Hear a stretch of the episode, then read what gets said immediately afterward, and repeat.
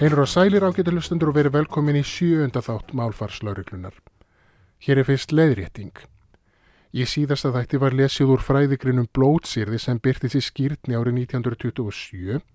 Höfundur hennar var sagður Ólafur Lárusson, en hefði rétta er að höfundur hennar er Guðmundur Finnbógason og leiðréttist það hér með. En þá að dauða íslenskunar og minkandi lestri. Undanfærið er búið að vera mikil umræðum það hvort að íslenskan sé að deyja. Fatarísin H&M auglisti til dæmis Grand Opening síu at Smáralind með flenni stóru og ljótu auglýsingaskilti á lækjartorki. Svo hafa byrst fréttir af því og byrtast reyndar öðru kvoru að svo svo stort hlutvall íslenskra barna og úlinga get ekki lesið sér til gagns. En hvað þýðir það eiginlega að lesa sér til gagns? Þýðir það bara að geta stautað sig fram úr mis áhugaverðum kjenslubókum og ná svo einhvers konar prófi úr þeim að lestri loknum? Eða er einhver önnur skilgrinning á því? Ég held einmitt að börn og úlingar geti vel lesið sér til gagns. Þau gera það bara ekki á sama hátt og eldri kynnslóðir. Það er eflust til einhver fræðileg útskýring á því hvaða þýðir að lesa sér til gagns En að lesa sér til gagns þarf ekki endilega bara því að það geta lesið þurrar og leiðilegar kjenslubækur og skilið testan sem verður að lesa. Að lesa sér til gagns getur vel þýtt að geta lesið leiðbynningar með rafmagstækjum eða mataruppskriftir eða raflagnatekningar. Það getur allt eins þýtt að geta klóra sér fram úr því hvernig á að nota aftreyingamila á borfið YouTube og Netflix og Spotify Og er það ekki einmitt að lesa sér til gangs að geta ráðið fram úr skilabúðum á samfélagsmiðlum og í snjálfsýmum sem eru sett saman úr ólíkum sviptáknum og tilfinningatáknum og skamstofunum? Ég held að til þess að börn og ólingar geti lesið sér til gangs verður þau líka geta lesið sér til gamans. Ef hefðbundnar bækur eiga vera samkeppnisafur við annað afreyingarefni, þá þurfa börn og ólingar bækur sem þeim sjálfum finnst áhugaverðar og skemmtilegar. Það eru kjenslubækur yfirleitt ekki. Harry Potter glætti til dæmis lestrar áhuga einnar kynnslóðar. Það vantar einhvað svipað æði til að komandi kynnslóðir fói áhuga á því að lesa lengri texta en bara smáskilabóðið að stöðu uppvæslur á samfélagsmiðlum. Kanski er einhver með allt aðra skoðun á þessum málum en þetta segi ég bara sem leikmaður en ekki sem sérfræðingur í mentamálum.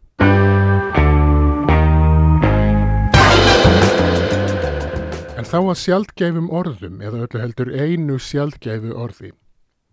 Mörgum brá í brún ráku upp stór augu og stóði jafnul á öndinni þrýðu daginn 8. ágúst síðastliðin þegar Rúf byrti frétt á vefsínum undir fyrirsögninni vísindamenn áhyggjusamir í bandaríkunum.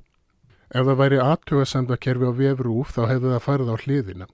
Virkir í aðtugasendum hefur hinnlega sturdlast og endanum farið að vera með skýtkast og leiðindi eins og venjulega en sem betur fer er ekki aðtugasendakerfi á VF Rúf.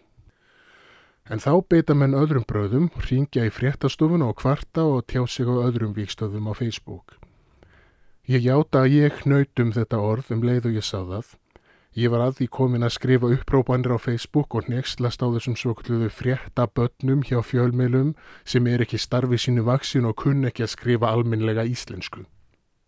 En ég slefti því og ákvaða að kynna mér málið nánar Að minnstakosti að googla orðið áður en ég slóst í för með virkum í aðtöðasendum.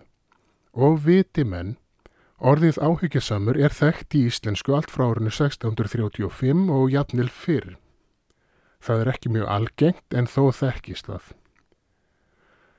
Elsta dæmiðum orðið í réttmálskrá orðabókar háskólans er í handritinu AM 247 kvartó sem eini heldur brefabók Gísla Biskups Oddssonar. Þar stendur svo sem þeir hefði ekki haldað sig svo kostgeflega og áhyggjusama í þeirra ennbætti. Í blöðum og tímaritum hefur orðið öðru hvoru skotið upp kollinum en þó aldrei oftar en einu sinni til tvísvarsinum á áratug samkvæmt vefnum tímarit.is. Undantekning er reyndar sjöundi áratugur síðustu aldar þar sem orðið byrtist fjórum sinnum. En frá og með áttunda áratugnum er eins og menn hafi hægt að vera áhyggjusamir. Yngsta dæmið á tímaritt.is er frá 21. november 1975. Upp frá því verði stórið það var lagst í dvala og leiði þar í næstum því 42 ár. En hvað þýðir að vera áhyggjusamur?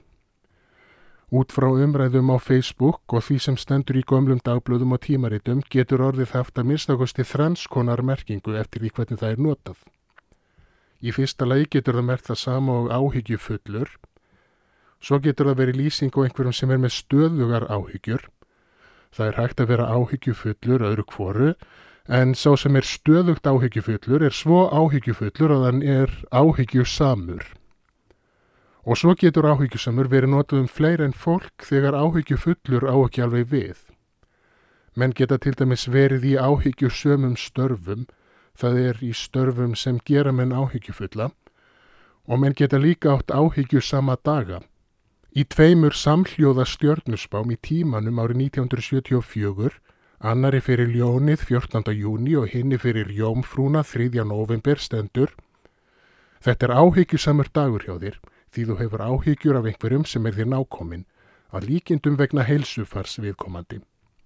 Þú gerir best í því að heimsækja viðkomandi ef þú getur komið því við. Við getum því hægt að hafa áhyggjur af áhyggjusemi. Ef til vill er komin tími til að endur líka þetta orð.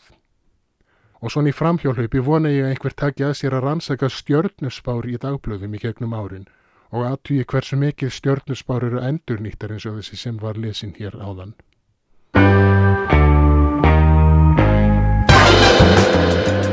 Þá er komið að ókeipis ráðleggingu til virkra í aðtugasemdum. Í þetta sinn er það munurinn á ekki ennþá og ekki lengur. Við notum ekki ennþá þegar við vísum í framtíðina og nútíðina. Það merkir að einhvað hefur ekki enn gerst en á eftir að gerast eða á hugsanlega líklega eða kannski eftir að gerast. Dæmi, ég hef ekki ennþá komið til Kína. Það merkir að ég hef aldrei komið til Kína en ég fer kannski ákað eitthvað tíman setna. Hann reykir ekki ennþá. Það merkir að hann hafi aldrei reykt en eigi hugsanlega eftir að byrja á því. Hún er ekki ennþá lögð af stað. Hún er sannsagt ekki lögð af stað en er alveg að fara að koma sér. En ef einhvað er ekki lengur þá merkir það að einhvað hafi einu sinni verið veruleiki en sé núna liðið. Það vísar í fortíðina. Dæmi. Ég bý ekki lengur fyrir norðan. Það merkir að ég hafi einhver tíman búiðar en sé nú fluttur þaðan. Hann reykir ekki lengur. Það merkir að hann hafi reykt en sé nú hættur því. Hún vinnur ekki lengur hjá skýstumálastofnun. Það þýðir að hún hafi unniðar einhver tíman en sé nú hægt störfum. Höfum þetta á hreinu, gerur hlustundur. Vonandi rugglist þið ekki lengur á þessum orðasamböndum.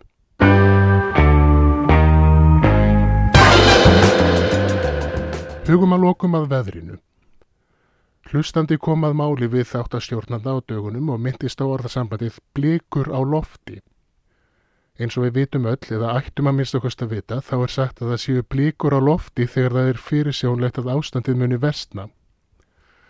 Umrætur hlustandi hefur kunnáttu í veður og haffræði og segir að samkvæmt veðurfræðilegri skilgreiningu sé ránt að segja að það séu blíkur á lofti. Á vef veðurstofunar er að finna eftirfarandi fráðuleik um blíku. Blíka er kvít, þunn og oftast samfelt háskíabriða sem oft dregur upp á himinin þar til hún þekur allt loftið. Bóðar hún oft komur regnsvæðis og kemur þá gráblika og regnþykni með úrkomu í kjölfar hennar. Sól sést gegnum blíkuslæðuna. Rosabögur myndast stundum kringum sól er geyslar hennar brotna í ískristöllunum. Samkvæmt þessari útskýringu get ekki verið margar blíkur á lofti, heldur bara einn. Við ættum því miklu frekar að segja að það sé blika á lofti þegar talaður um að verra ástand sé framöndan. Og hér má líka minnast á orðtækið að lítast ekki á blíkuna.